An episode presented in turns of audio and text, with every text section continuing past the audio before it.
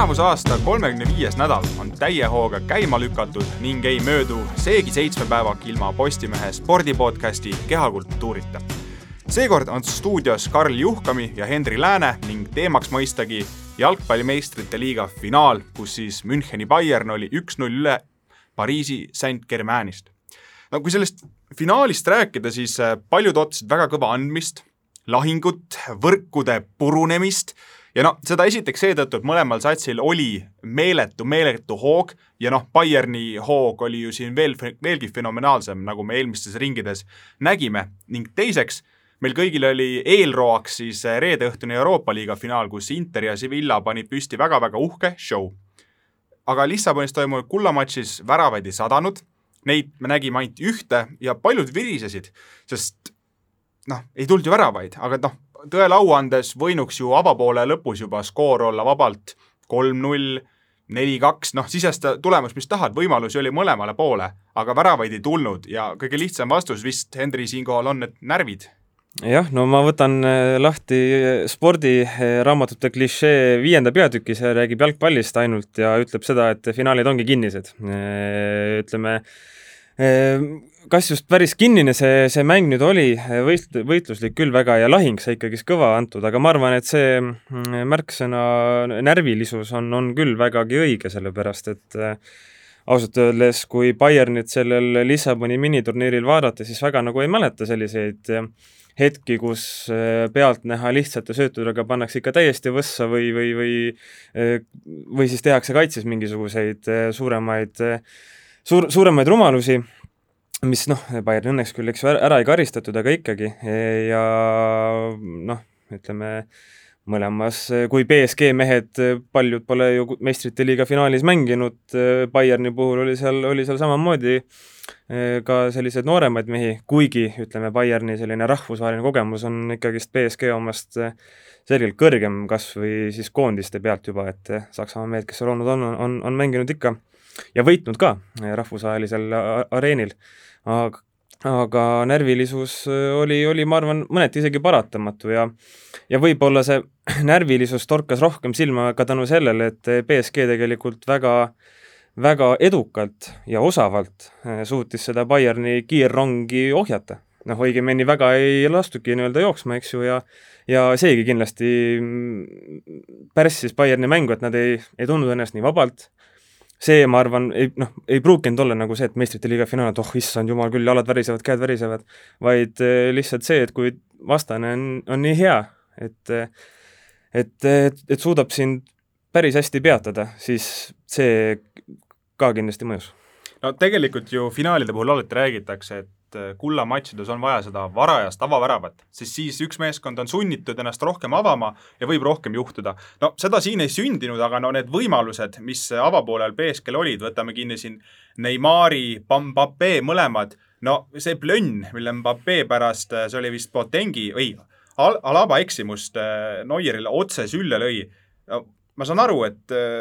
noor mees tegelikult ja see vist on ka nagu märksõna, aga no, no sellisel tasemel sellist viga ja ründaja puhul me räägime ikkagi suurest veast, kui kaitse teeb samasuguse asja, sa jääd kohe kaadrisse, sest ilmselt lüüakse sealtpealt sulle värav. aga kui sa ründajana jätad niisuguse asja kasutamata ja no veelgi enam, sa paned värava suunas no niisuguse siseküljega putsu,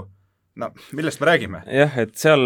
ütleme, noh, Manuel Neuerit peab kiitma muidugi, et mees oli, mees oli õiges kohas selle Mbappe löögi puhul ja aga samas see löök oli talle ju täpselt sülle. et oleks see noh, ma ei tea, paar meetrit eh, sinna-tänna olnud, me ei tea, võib-olla Neuer oleks ära võtnud, sellepärast et sisuliselt kõik, mis võimalik võtta oli, ta ju võttis ära isegi siis, vist, kas see oli vist teisel poolel see, kui Mbappe suluseisus jäi seal värava ette üksi ja ikka pani vastu seda paremat jalga. no ja see Neueri demonstratsioon pärast seda, et mina olen kuningas, sellest, no tegelikult võtab ikka ahhetama küll, kui sa saad äh, viie kasti joonelt põhimõtteliselt ju rahulikult lükata ja no siis jääb kaasa kohe mees sulle ette, et no vot see võib olla selline asi, mis enesekindluse küll äh, mutta tambib, aga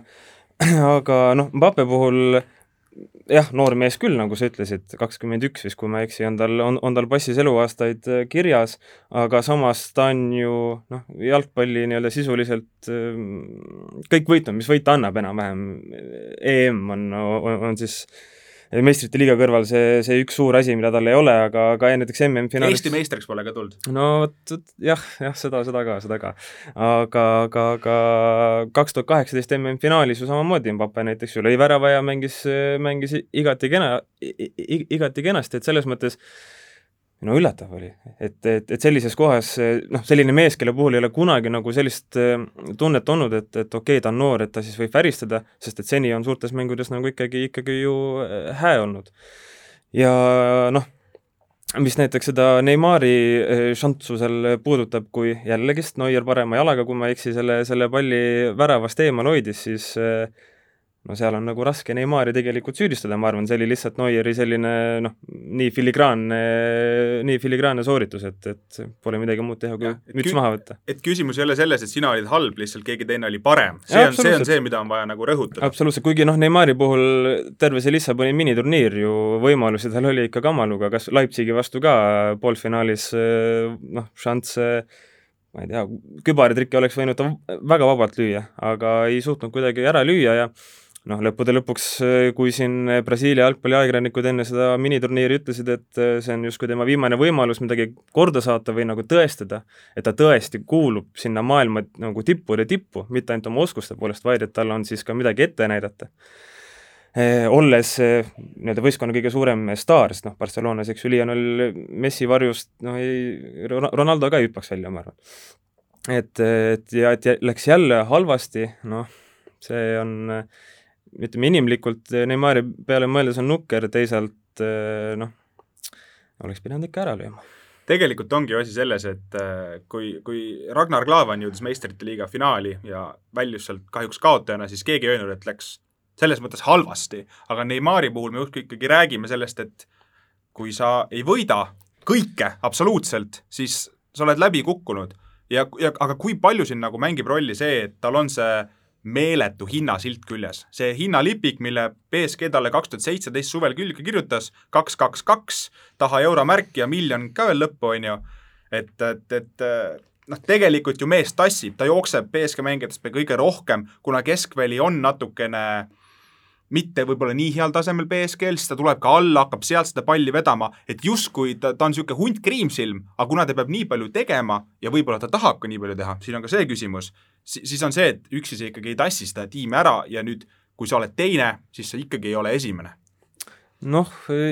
jah, noh, ütleme al, alustame rahast siis. ma arvan, et äh, see ei mängi mingit rolli, sest et ma ei tea, Neimar ei ole kunagi jätnud nagu muljet, et sellised asjad teda kuidagi heidutaks või niimoodi, et ega ta kui ta Santosest ju Barcelonasse läks, ega siis see ei olnud ka paari miljoni euro eest, vaid seal olid ka ikkagist väga, väga, väga suured summad mängus ja noh, Barcelonas oli kõik justkui ju kena Nüüd, kui BSG poolkaitse peale mõelda, siis noh, tervel ju Lissaboni miniturniiril tegelikult äh, väga tunti kindlasti puudust Marko Verratis, kes äh, noh, selline äh, väike, väike pallivõlur on ja, ja kellest räägitakse ikka, et tema on see, kes suudab selle BSG poolkaitse ja rünnaku nii-öelda ära siduda omavahel. kes on just ülioluline lüli ja ka kaitses on selline piisavalt nahaalne Degelinski, et et valmistab vastastele meelehärmi, noh, eile siin ka ta ju äh, kas seal kuskil kuuekümnes või seitsmekümnes minut platsile tuli, aga noh, ütleme, kui tervis ei kannata rohkemat mängida, siis sellest mõnekümnest minutist võib lihtsalt väheks jääda. aga üldiselt ma arvan, et BSG poolkaitse, no kui me ütleme, et näiteks Leandro Paredes on selline mängija, kellel noh, ma ei tea, võib-olla paljud vutifännid ei teagi, kes, kes see mees üldse on, sest kui ma ei eksi, Peterburi seniidist tuli, noh, ei olnud mingit suurt äh, fa-fa-faad, ometigi eile tegi minu arvates küll täiesti okei okay mängu, et äh, selline kaitsva mehega tegemist, andis ka mõned väga-väga ilusad söödud, filigraansed söödud suisa, mille üle noh, ma ei tea, ükskõik kes muu oleks, oleks Messi andnud, siis jälle räägitakse, et maailma parim söötja ja, ja kõik muud jutud ja ja kui mõtleme, et Ander Herrera näiteks, pika Manchester Unitedi kogemusega mees ka, et poolkaitse on tegelikult täitsa okei okay., lihtsalt aga küsimus arvan... ongi selles, et millega sa võrdled, et ma ei ütle, et nad ei ole okeid, aga nad ei ole nii head, et olla esimesed, mida on tegelikult ju see, mida BSG jahib. Nad on Euroopa teine ja see on väga kõva tunnustus, ehk siis Herrera, Paredes, äh, Marquinhos on ju kolmas poolkaitse, nad ongi väga-väga head, aga noh, see püün jäi ju saavutamata. seda küll, aga samas jõuti ju esimest korda üle saja aasta finaali vist, kas oli äkki üheksakümmend viis aasta, kui oli poolfinaalis vist vist oldi äkki midagi sellist, et et selles mõttes ikkagi see meistrite liiga hooaeg kujunes neile äärmiselt edukaks ja, ja see on nüüd see koht, kust annab ikka ehitada küll. et pärast mängu, mis mind on pannud väga kummastama, on kuulujutud, et peatreener Toomas Tuhhel on siis väidetavalt nii-öelda kingasaamisohus, mis tundub ikka täieliku idiootsusena, kuigi noh, tänapäeva nii-öelda see tippjalgpall, seal on palju selliseid selliseid asju, mis võtavad õlgu kehitama ja peas kinni haarama aga ma arvan küll, et kui BSK ikkagi ütleme, selle tuumiku jätab äh, siin-seal kedagi lisada, noh kas või nüüd on ju, eks ju, keskkaitset samamoodi vaja, et kui Diego Silva kapten äh, klubist lahkub, okei okay,, Marquinhose iseenesest saab ju sinna keskkaitsesse panna, sest et ta on paberitega keskkaitse, ta on lihtsalt äh, nii-öelda olude esituste sunnil äh, pandud sinna äh, kaitsvasse poolikusse rohkem et, et kui jah, ma arvan, et kui lisada paar-kolm head tükki, siis äh, pole mingit põhjust, miks me peaks nüüd edaspidi tulevikus BSG-st rääkima kui klubis, kes on kulutanud tohutuid summasid, aga kes noh, ei, ütleme Euroopas ei paista nagu millegagi silma. kusjuures, kui sa Tuhhelist mainid äh,, nagu üks asi, noh, Pariisi Saint-Germain ei ole väga paljude lemmikklubi, ka minu lemmikklubi, aga üks asi, mida ma nagu nende puhul tegelikult pean tunnustama, on see, et äh, nad ei vaheta treenereid nagu sokke ja noh, vaadates, mis siin maailmas toimub, noh, Sarri ei võitnud meistrite liigat minema, vahet ei ole, mis sa seal Itaalias teed. et BSG on andnud siin erinevatele treeneritele, Carlo Ancelotti, Laurent Blanc, pärast teda Emery, noh, Emery esimesel aastal ta ei võtnud isegi Prantsusmaa liigat, Monaco tegi seda, aga talle ei antud kingat, talle anti kaks aastat seda meeskonda ehitada. Ja see tegelikult on, nii imelik kui seda öelda ka ei ole, imetlusväärne, arvestades, kuidas tulemused ja raha tänapäeva jalgpalli kujundavad, sest Tuhhelil ju tegelikult tal ei ole kasutada enda vorbitud meeskond. talle öeldakse väga palju ette spordidirektor Leandro poolt, keda, kuidas tuleb kasutada, noh, ja siis sina hakkad siis nendest pusledest tüki kokku pane-, noh, tükkidest puslet kokku panema ja siis vaatama, et kas äkki sobitub. ja noh, kui seda ka veel arvesse võtta ja kuidas Tuhhel tegelikult BSG mängima sai, plaks-plaks. absoluutselt ja noh, kui näiteks Blanki ja Emeri peale mõelda, siis põhjused, miks äh, nad ju BSG-st minema, noh, saareti või miks nad läksid, oli, oligi ju see, et meistrite liigas lihtsalt ei suudetud seda läbilööki teha. noh, äh, Tuhhel ilmselgelt suutis seda äh, ja no annaks jumal, et see, et seda meest sealt minema ei kupatata, et see oleks küll minu arust äärmiselt vale otsus, kuigi praegusel ajal nii-öelda neid tipptreenereid, kes kes võiks olla saadaval, noh, neid jagub, aga noh, milleks muuta mitte päris võitvat eh, valemit, aga, aga peaaegu võitvat valemit, et eh, see, et Prantsusmaal võidetakse, domineeritakse, see kõik on eh, noh, BSG jaoks justkui, justkui täiesti tavaline, aga ikkagi meistrite liigas nii kaugele jõudmine väärib tunnustust ja ja kindlasti ei ole see nüüd koht, kus siis hakata paanikas mingisuguseid otsuseid tegema, et siin BSG president Nasser Al-Khelaifi vist, kui ma ei eksi, on ta nimi, ütles ju ka, et ma luban, et me toome selle meist-, meistrite liiga ükskord Pariisi õuele ka, nii et noh, ütleme, see plaan sealt ülevalt poolt tundub, või eesmärk on, on, on nagu väga kindel ja selle nimel tehakse väga palju tööd, nii et miks siis vahetada kedagi, kes on sind väga palju aidanud ja sind viinud uutesse kõrgustesse?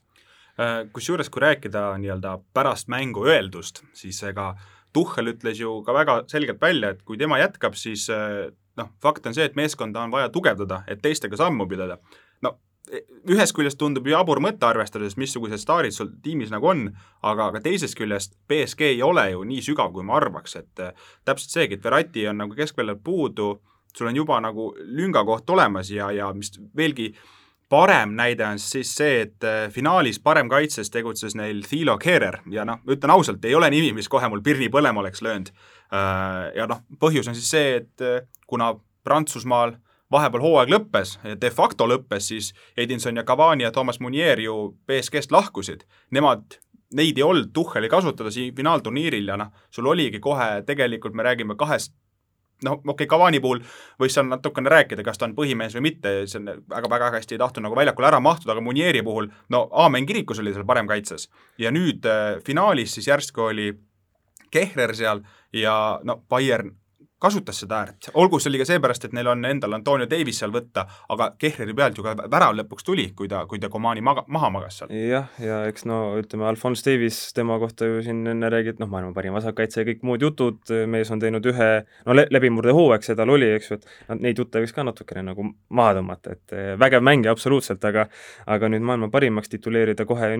nüüd noh, tead, ootame, ootame natuke, hoiame hobuseid, aga Geereri puhul noh, mina näiteks eile mõtlesin, esimese paarkümmend minutit tundus, et väga hästi saab seal hakkama, aga no siis üks hetk Koman läks äh, hoogu, ütleme niimoodi, ja vahet ei ole, mis asendist, äh, mis mismoodi tegi, no Keeler ei saanud ikka mitte, mitte mingitki moodi äh, siis Komanile vastu ja seda üllatavam oli, kui Koman üldse välja võeti seal teisel poolajal, et noh, mees ilmselgelt nautis seda mängu ja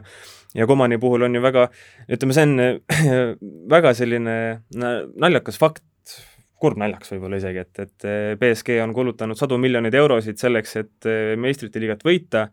ja lõpuks nad kaotavad siis niimoodi, et värava lööb nende enda kasvandik hoopis, et selline väga, väga, väga irooniline juhtum ja sündmus ma arvan, et kõige keerulisem oli järgmisel päeval Pariisis Komani enda tuttavatel sõpradel, sugulastel, et kuidas sa nagu teed kurba nägu, kui tegelikult oled rõõmus või noh, eks, eks tea, ei tea, kui, kui väga neil need BSG sidemed seal südames põksuvad aga.... pigem ikka on, noh, sest et ega Koman noortekarjääri algusest, noh, ta on Pariisis sündinud, noortekarjääri algust ta vist paar aastat mängis mingisuguses klubis, mille nime ma isegi ei hakka üritama öelda. Senart Maissi. no vot, ja aga pärast seda ju, ju oli mitu aastat ka BSG enda noortesüsteemis täitsa ja profi, profidebüüdi tegi ka samamoodi BSG-s, nii et eh, kindlasti selles peres eh, BSG on, on, on väga, on väga au sees ja südames, aga noh, teate, see on äh, nagu nagu elus pahatihti on, et kui ikka sinu enda, enda ligimene midagi head teeb, et ega siis ole ikka selle üle rõõmus, mitte siis äh,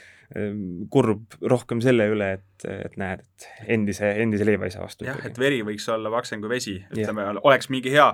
hea tark lause siia praegu mm,. kusjuures, kui tuua tagasi selle Komani väljavahetamise juurde, siis äh, Tuhhel ju sai väga palju pikki päid ja jallu Twitteris kõikidelt tarkpeadelt selle eest, et kuidas ta oma vahetusi tegi. et noh, kui sa jätad Icardi pingile, siis no kuidas sa ikkagi saad. samas oleks ta ühe värava nagu sealt ikkagi kuidagi ära toksanud, siis oleks jällegi Flick võinud olla see, kes äh, näib oma vahetustega väga loll, et nagu sa mainisid, et Coman võeti ju välja, samamoodi Diego Alcantara keskel, Gnabry teiselt äärelt ja asemele, no mitte Tolisso nüüd halb mees oleks, aga kui sa nüüd pead hakkama Tolissoga uuesti võiduväravat siis jahtima, no ülesanne on juba tunduvalt keerulisem, kui kui sul Gnabry ja, ja Coman äärtel nagu möllavad ja pahandust teevad. jah, no samas minu eh, silmis Tuhheli nende vahetuste selle virvarris kõige suurem viga oli Angel Di Maria väljavõtmine, et eh, näiteks eh, minu arust Di Maria selles võis-, ütleme, Neimar on nagu siis äh, ütleme, selge staar, eks ju, A ja O justkui peaks olema, aga minule tundub, et selle meeskonna pigem paneb tuksuma ikkagi Steve Maria. kes on siis äh, Batmanile tema Robin? no jah, aga ta on, ütleme, kaks korda suurem Robin kui, kui, kui siis originaal Robin, ütleme niimoodi et äh, noh, fantastilise mängijaga tegemist on, kahjuks küll väga vasakule jalale kaldu, mis ka eile tegelikult ju avapoolel tal oli, pääses ilusti kasti, sai väga hästi löögile ja noh, paremaga pani siis äh, kuhugi äh, kuhugi kõrgele, kõrgele ja üle selle, selle löögi, aga pigem oleks võinud kas või Neimari välja võtta. samas on arusaadav, et sellist asja ei juhtu, ei, see, see ei ole lubatud ilmselt, et ja noh, mõneti see nii-öelda staaridega on see nagu arusaadav ka ja ikkagist Neimar on ju mängija, kes võib sul ühe liigutusega mängu muuta, aga eile ta küll sellises äh, vormis ega minekus ei olnud, mitte et ka Di Maria oleks nüüd mingisuguse hiilgemängu teinud, aga aga minu arvates ta oli ikkagist äh, vähe parem. Ja ja mis nendesse Bayerni vahetustesse puudub, siis, äh, puutub, siis pigem tundus see, et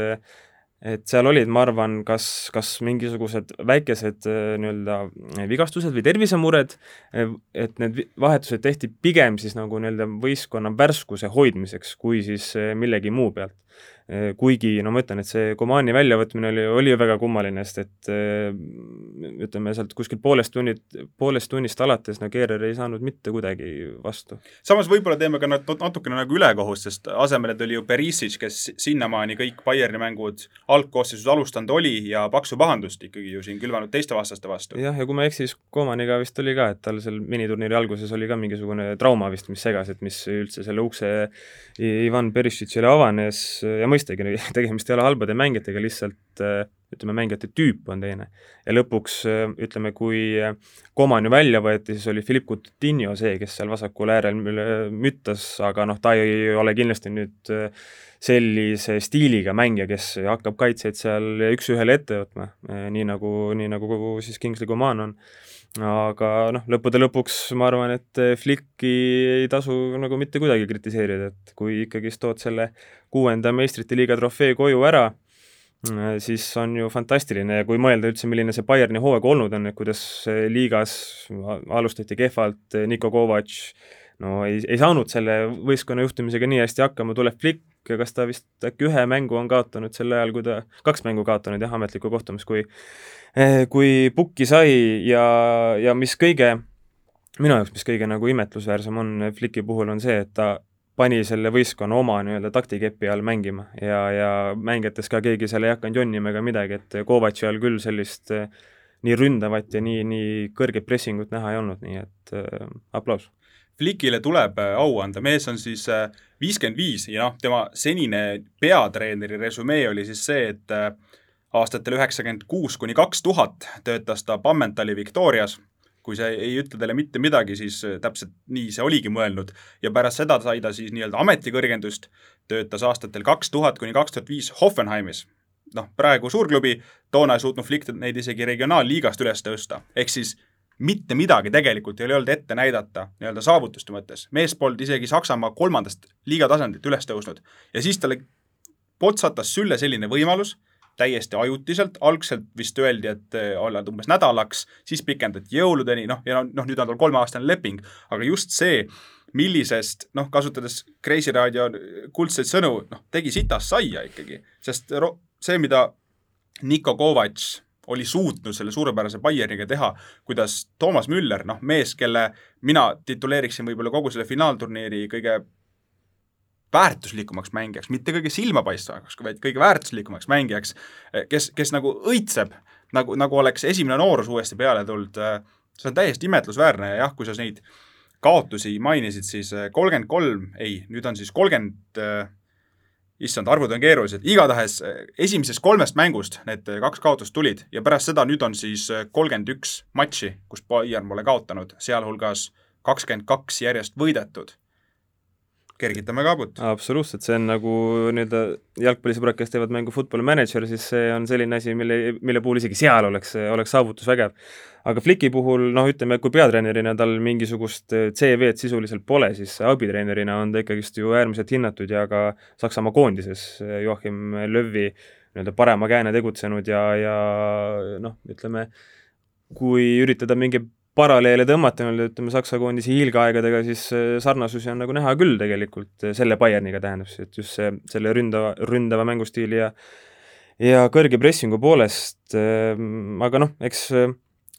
paljude tre treenerite puhul on ju nõnda, et, et justkui ei tundu olevat mingisugused erilised mehed, aga kuidagi satuvad õigel ajal õigesse kohta, õigete mängijatega kokku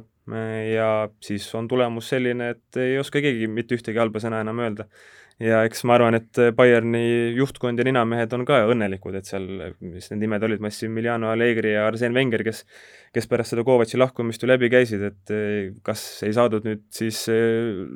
lepingule või keegi ei tahtnud tulla või mis iganes, aga jumalale tänu, et, et, et, et Flick selle koha sai ja ja noh, nüüd tahaks loota, et, et see edulugu jätkub. no ja pluss Flicki puhul, kui rääkima nagu tema äh, taktikalisest lähenemisest või mängu arusaamast, ega ta ei leiuta jalgratast, ta kasutab täpselt tuttavaid asju, mis minevikus Saksamaa ja Saksamaa klubidele on edu toonud. võtame sellesama, kuidas kõrget liini kasutada, kuidas Neueri tugevusi ette tuua, kuidas Kloppi poolt siis kuulsaks tehtud Gegenpresser järsku töötas, et noh, tegelikult ju Bayerni pressing finaalis äh, täiesti imetlusväärne. noh, esiteks, kui sul on muidugi võtta Toomas Mülleri-sugune ründaja, kellele ütled, et äh, kui Neimar on sinu väljaku osas, siis sul on personaalne marking ja siis sulle ütleb ründaja, jah, kapten lööb kannad kokku ja läheb, teeb seda. noh, täiesti imetlusväärne, sest et äh, leida tänapäeva jalgpallis ründaja, kes on nõus meeskonna nimel, noh, ma tahaks kasutada sõna ohverdama, võib-olla see kõlab natukene suurelt, aga noh, tegelikult ta on nõus sul kogu musta töö ära tegema, kui see tähendab, et meeskond võidab ja no see on nagu see ultimate team player. sul, sul ongi täpselt sellist meest vaja ja, ja ja, ja kui töötab. mõtleme ka selle peale, et, et jah, et Müllerit ju alati on tuntud sellise väga kõva musta töö tegijana, siis ikkagi see aasta ta oli ka nii-öelda statistika poolest, ma ei mõtle nüüd mingisuguseid väga edasijõudnuid numbreid, vaid lihtne väravad ja söödud näiteks oli ikkagist ju filigraanne, et kas siis, kui ma ei eksi, Bundesliga-s oli vist äkki kakskümmend resultatiivset söötu või midagi säärast, igatahes väga, väga, väga kõrge number, nii et Müller see hooaeg ei paistnud silma mitte siis ainult oma siis selle nii-öelda klassikalise klassikalise elemendiga, mis, millega ta kuulsaks on saanud, vaid ikkagist oli, oli üleüldiselt tohutult kasulik ja noh, Müller oli üks mängija, keda, kes justkui oli tegelikult ju maha kantud, eh, sama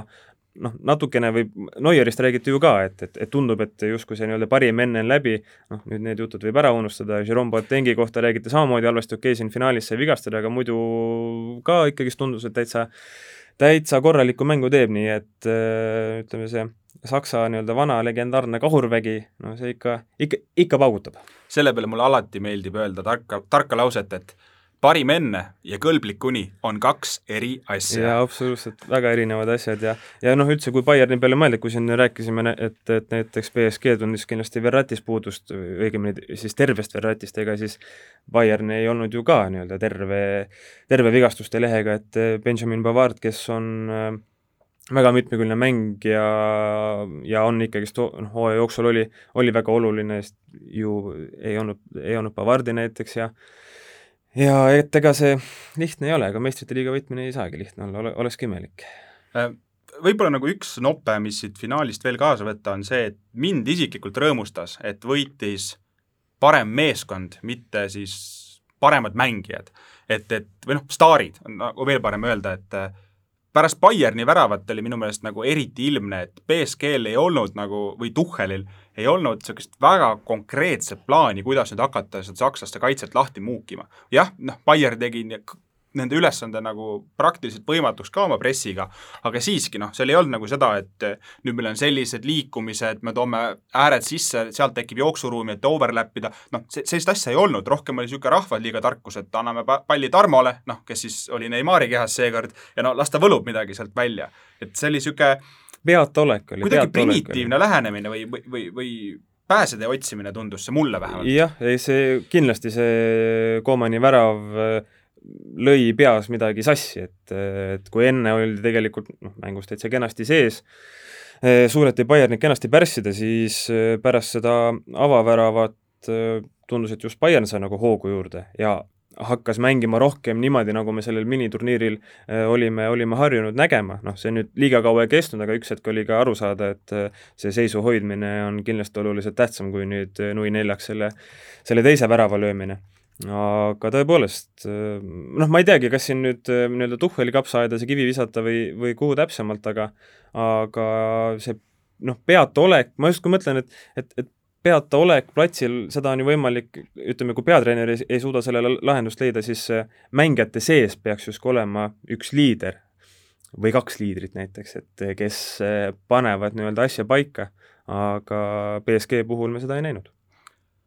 Noh, Bayerni puhul siis äh, tasub ära maikida või noh, peab ära mainima siis ka selle, et äh, ihaldatud kolmikvõit neile tuli Saksamaa meistritiitel, Saksamaa karikas, nüüd meistrite liiga võit ja on nad läbi ajaloo alles teine klubi, kes suutnud teist korda selle saavutuseni jõuda, et äh, kaks tuhat kaksteist, kolmteist Jupp Heinkesi, kuulsa Osrami juhtimisel nad äh, esimest korda selleni jõudsid ja no esimene klubi, kes selle saavutuse sai, on äh, Barcelona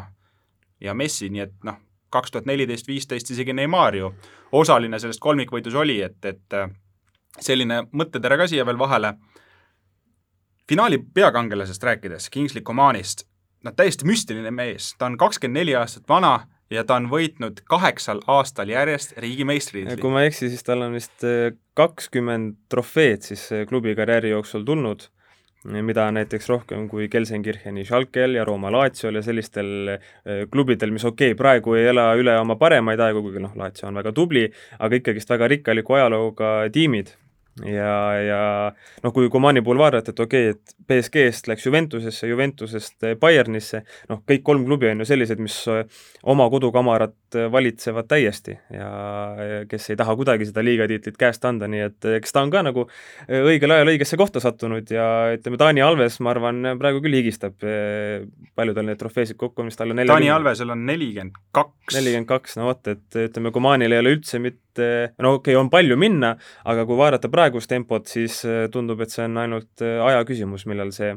Eh, Brasiilia see rekord siis katkeb. no eriti, kui sa, kui sa siin saad võtta nüüd, eh, kohe tuleb Saksamaa superkarikas, tuleb UEFA superkarikas, noh, kas need on nüüd nagu reaalselt vajalikud asjad maailmas, seda me ei tea. Eh, tõe huvides teist kohta maailmas hoiab, kui mu andmed nüüd on õiged, need pärinevad eelmise aasta aprillist, nii et võib-olla on midagi maailmas juhtunud, ehk keegi aastaga võtnud viis trofeed, aga Hossam Hassain, Egiptuse koondislane, kes siis Al-Alis, Zamalekis ja Al-Ainis kokku kraapinud nelikümmend üks trofeed, äh, ei ole kursis, kas nendes riikides peaks olema siis äh, Egiptus ja Al-Ali peaks olema midagi Araabia pool, Araabia poolsaarelt, et kas seal liigad mängiti lõpuni, kas äkki Hassain on ikkagi maailmarekordi omanikuks saanud? igatahes nii on, aga Komanist rääkides äh, väga paljud maailma väljaanded ei taha rääkida tegelikult Komani elust täit pilti, et äh, praegu no, praegu on ta siin selline iidol kõigi jaoks, kangelane, võtke eeskuju, aga samas on tal vead nagu Mikk Pärnitsatel ja Peeter Nordhugidelgi, et äh, oli see neli aastat tagasi, kui Coman oma endisele tüdruksõbrale Sephora Guiganile kallale läks, koduvägivallis lausa kohtus süüdi mõisteti ja, ja pidi ta siis valuraha maksma oma endisele tüdruksõbrale. Ja kusjuures ega need nii-öelda tunnistused või vabandused ei tulnud tal kõige kergemalt, et pigem nagu tangidega rebiti neid välja ja läbi advokaadi väga osavalt sõnastati, et äh, jah, inimesed õpivad, arenevad, kaks tuhat seitseteist, Coman oli siis kahekümneaastane ka, aga see ei ole siiski nagu plekk, mida nüüd võiks täiesti ära unustada. see ei tähenda, et, et sellele peaks rõhuma, aga kui sa nagu skännid ikkagi, kuidas praegu Markad, Globod, Guardianid, noh, siseste maailma väljaanne räägivad nüüd päevakangelasest, siis noh, idealis-, idealiseeritaksegi teda, et kakskümmend neli ja kaheksa trofeed ja ühesõnaga, tehke järgi ja see on teie uus eeskuju, aga tegelikult ka niisugune must plekk mehel küljes on ja midagi ei ole teha, see saadab teda. jah, minu jaoks oli uus info näiteks üldse enam, vot nüüd ei, enam ei meeldigi. aga ei, noh, eks paljude tippjalgpallurite või üldse sportlaste puhul neid pahesid või halb, halbasid tegusid on, on, on ju küllaga ja ka meie, ka ütleme, maailma kõige suuremad lemmikud Ronaldo ja Messi ei ole ju samuti puhtad poisid, et äh, Hispaania äh, Hispaania valitsus äh, ja, ja maksudest eemalhoidmine on, on märksõnad, mis, äh, mis on olnud väga teravalt ju päevakorral ja ja Ronaldo vist ju, kui ta Realist lahkus, siis äh, ütles vist ka, et, et et talle ei meeldinud, et kuidas teda nii-öelda taga kiusati selle maksujama osas ja ja talle ei meeldinud, et Reali president Florentino Perez ei andnud siis piisavalt toetust ja niimoodi, et noh, no mis sa teed no Djokovicile ka ei meeldi, et tema suhtes nõi-, nõiajahti tehakse, aga mingil hetkel oled nagu ikkagi ise selle noh, kui ikka koroonaturniiri korraldad, siis pigem vaata peeglisse, mitte ära siin hakka, mitte ära ürita kuidagi ennast, ennast välja vabandada või vingerdada. aga kui me vaatame nüüd peeglisse selles mõttes, et vaatame tagasi sellele play-off turniirile, mis siis eh, natukene uudses formaadis meil toimus, eh, kes oli võib-olla kõige silmapaistvam inimene, kes oli see, kes kes kõige eredamalt säras nende üks, kaks, kolm, neli, viis, kuus, seitsme mängu jooksul, noh, kui võtame need kaheksandikfinaalid ka mõned, mis siin järel mängiti, noh, lihtne oleks öelda, et kas või seesama Davis äh, või, või a la maailma parim Davis. Müller, jaa, absoluutselt, või siis Levanovski näiteks, eks ju, et neid nimesid on tegelikult, keda võiks esile tuua, on, on kamaluga, aga ma arvan, et no ühte sellist konkreetset äh, nime mina vist ei oskakski tead välja öelda, et pigem, pigem tunneks rõõmu selle üle, kuidas see meistrite liiga, millest on ikka räägitud, et see on ju selliste kinniste klubide siseheitlus põhimõtteliselt, et äh, aastast aastasse on seal veerandfinaalides ja poolfinaali, poolfinaalides enam-vähem samasugused satsid, siis äh, kuidas Lyoni olümpiik, Atalanta ja Leipzig äh, noh, suutsid seda stigmat vähemalt see aasta murda ja tahaks väga ju loota, et et see ei jää nende klubide puhul selliseks ühekordseks ähvatuseks, noh okei okay,, Lyoni puhul järgmine aasta me, me neid ju Euroopas ei näe, et et sealt seda nii-öelda pauku lubavarrest ei ole oodata, aga noh, ütleme, kui Leipzig saaks näiteks endale ründaja, kes oskab ka väravaid lüüa, siis miks ka mitte, miks peaks seal midagi nüüd nii nii palju muutuma ja Atalanta puhul samamoodi, et ega nad ju olid viis minutit enam-vähem, viie minuti kaugusel ju veerandfinaalist ja BSG alistamisest. et äh, klubi, mis äh, on, asub Bergamos, seal Põhja-Itaalias, kus siis see kõige suurem koroonakolle oli, äh, kuidas kõik mängijad rääkisid, et see oli noh, košmaar oli seal olla ja elada, kuidas sa kuuled ainult kirikukellasid ja ja kiirabiautosid või noh, kiirabiautode sireene siis ja see jalgpall, mida nad mängivad, no kui Dortmundi Borussia siin Kloppi ajastul tõusis jalgpalliromantikute kindlaks lemmikuks, siis minu arvates Atalanta see aasta ta ja üldse noh, viimased paarid hoo-, viimased paar hooaega on andnud väga kõva avalduse selleks, et, et nüüd peaksid nemad olema see romantikute A ja O, et Leipzig on, võiks ka nagu sellesse patta mahtuda, aga noh, Saksamaal ju kõik vihkavad neid ja noh, arusaadaval põhjusel ka no kusjuures, kui sa mainid, et Leipzigil, neil läks vaja nüüd head ründajat, tegelikult neil oli ju. Poleks koroona kõike jälle pea peale pööranud, Timo Werner oleks nende mängija ja, ja siis, keegi ei tea, mis saaks. või siis oleks, eks ju, üleminek tehtud nõnda, et Werner oleks selle meistrite liiga turniiri saanud lõpuni mängida ise usun, et, et Leipzig kindlasti ka soovis seda, noh, kas see nüüd oli siis Werneri enda kindel soov võimalikult kiiresti ära minna või, või Londoni Chelsea lihtsalt ütles, et noh, me ei maksa teile muidu seda, et muidu maksame kümme miljonit vähem, kui kui te meile teda kohe ei anna, et noh, seda, seda nüüd täpselt ei tea. aga noh, ütleme sellised äh, positiivsed lood äh, klubidest, kes siis äh, neid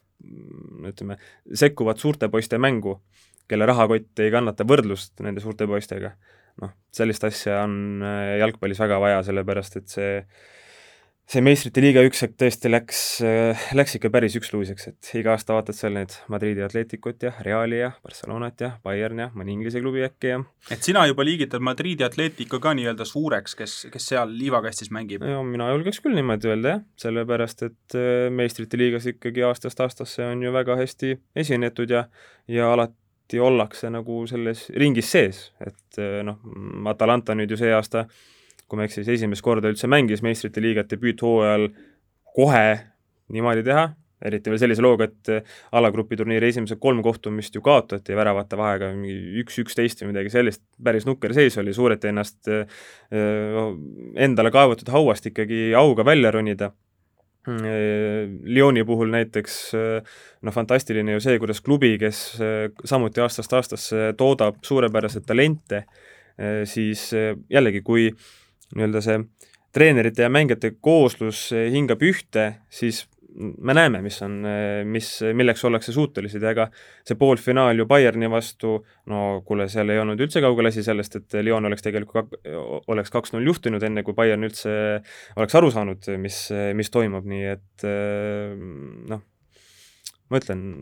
jalgpalli, ei, ei taha, et see tippvutt muutuks igavaks, sellepärast et paljud rahvusliigad seal tipu osas noh, on, et üks ja sama võitja sul aastast aastasse ja see paratamatult tõmbab huvi maha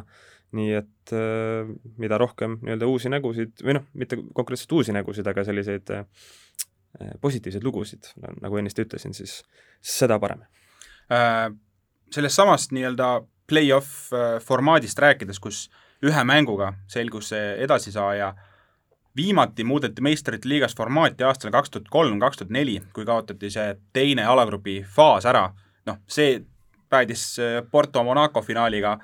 hipsterite, hipsterite lemmikfinaal äh, Porto võiduga ja Jose Mourinho al-, alustas oma võimsat äh, treeneriteed sealt. Äh, nüüd siis samamoodi see uus lahendus tõi meile tegelikult ju poolfinaalid, kus pea kolmekümne aastase vahe järel ei olnud Hispaania, Itaalia ega Inglismaa satsi ja noh, pikad, pikad pausid on ikkagi need olnud ja poolfinaalis ainult Saksa, Prantsusmaa, veits punk mina tahaks küll, et see uus formaat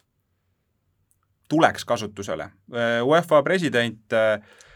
Seferin on ju samamoodi öelnud, et see oli nagu sunnitud lahendus, aga paljudele juba meeldib, et see on, midagi uut on avastatud, et, et nad kaaluvad seda tulevikus, samas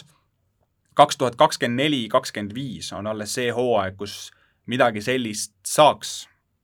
muuta, sest sinnamaani on meistrite liiga formaat kivisse raiutud, tõsi, noh, koroona ikkagi lubab teatud erandeid teha, kui väga tahta midagi läbi suruda. aga, aga nüüd järgmised paar hooaega ikkagi nii-öelda kodus võõrsil süsteemi peale, kaotage palun see võõrsil värav ära selle süsteemi peale tagasi minnakse, mida sina tahad, kas sina pooldaksid ühemängulist lahendust, nagu meil siin tänavu oli? jaa, raiuge kas ma, raiuge mul kas või üks käsi maha, et see, et see asi teoks saaks. minu arust Zeferin ise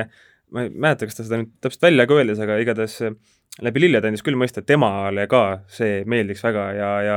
eh, ol, olgem ausad, nagu siin enne seda miniturniiri sai räägitud, siis ega ikka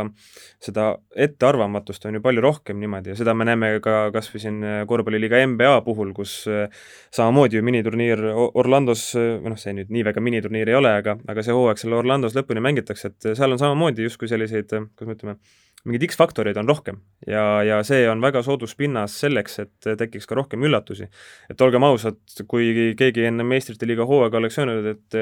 poolfinaalides on BSG, Bayern, Lyon ja Leipzig, siis noh, see mees oleks praegu kuskil Paldiski, see mees või naine oleks kuskil Paldiski maanteel praegu eh, valges särgis kinni seotud kätega. et eh, Bayerni puhul okei okay,, poolfinaali jõudmine ei ole mingi üllatus, BSG puhul üllatus on vale öelda, kas oleks seda oodanud mm,? Pigem ei, vaadates seda, mismoodi viimased äh, meistrite liiga hooajad on kulgenud, noh ja Lyoni ja Leipzigi puhul noh, siin ei, ei maksa isegi rääkida, eks ju, et, et see on nagu ilm, ilmselge eneseületus oli. ja noh, see ma arvan, et seda äh, nii-öelda nende selle play-off'i siis ühemänguliseks tegemine, seda on ilmselt, on tegelikult tohutult raske läbi suruda, et äh, väiksemad klubid on kindlasti selle poolt aga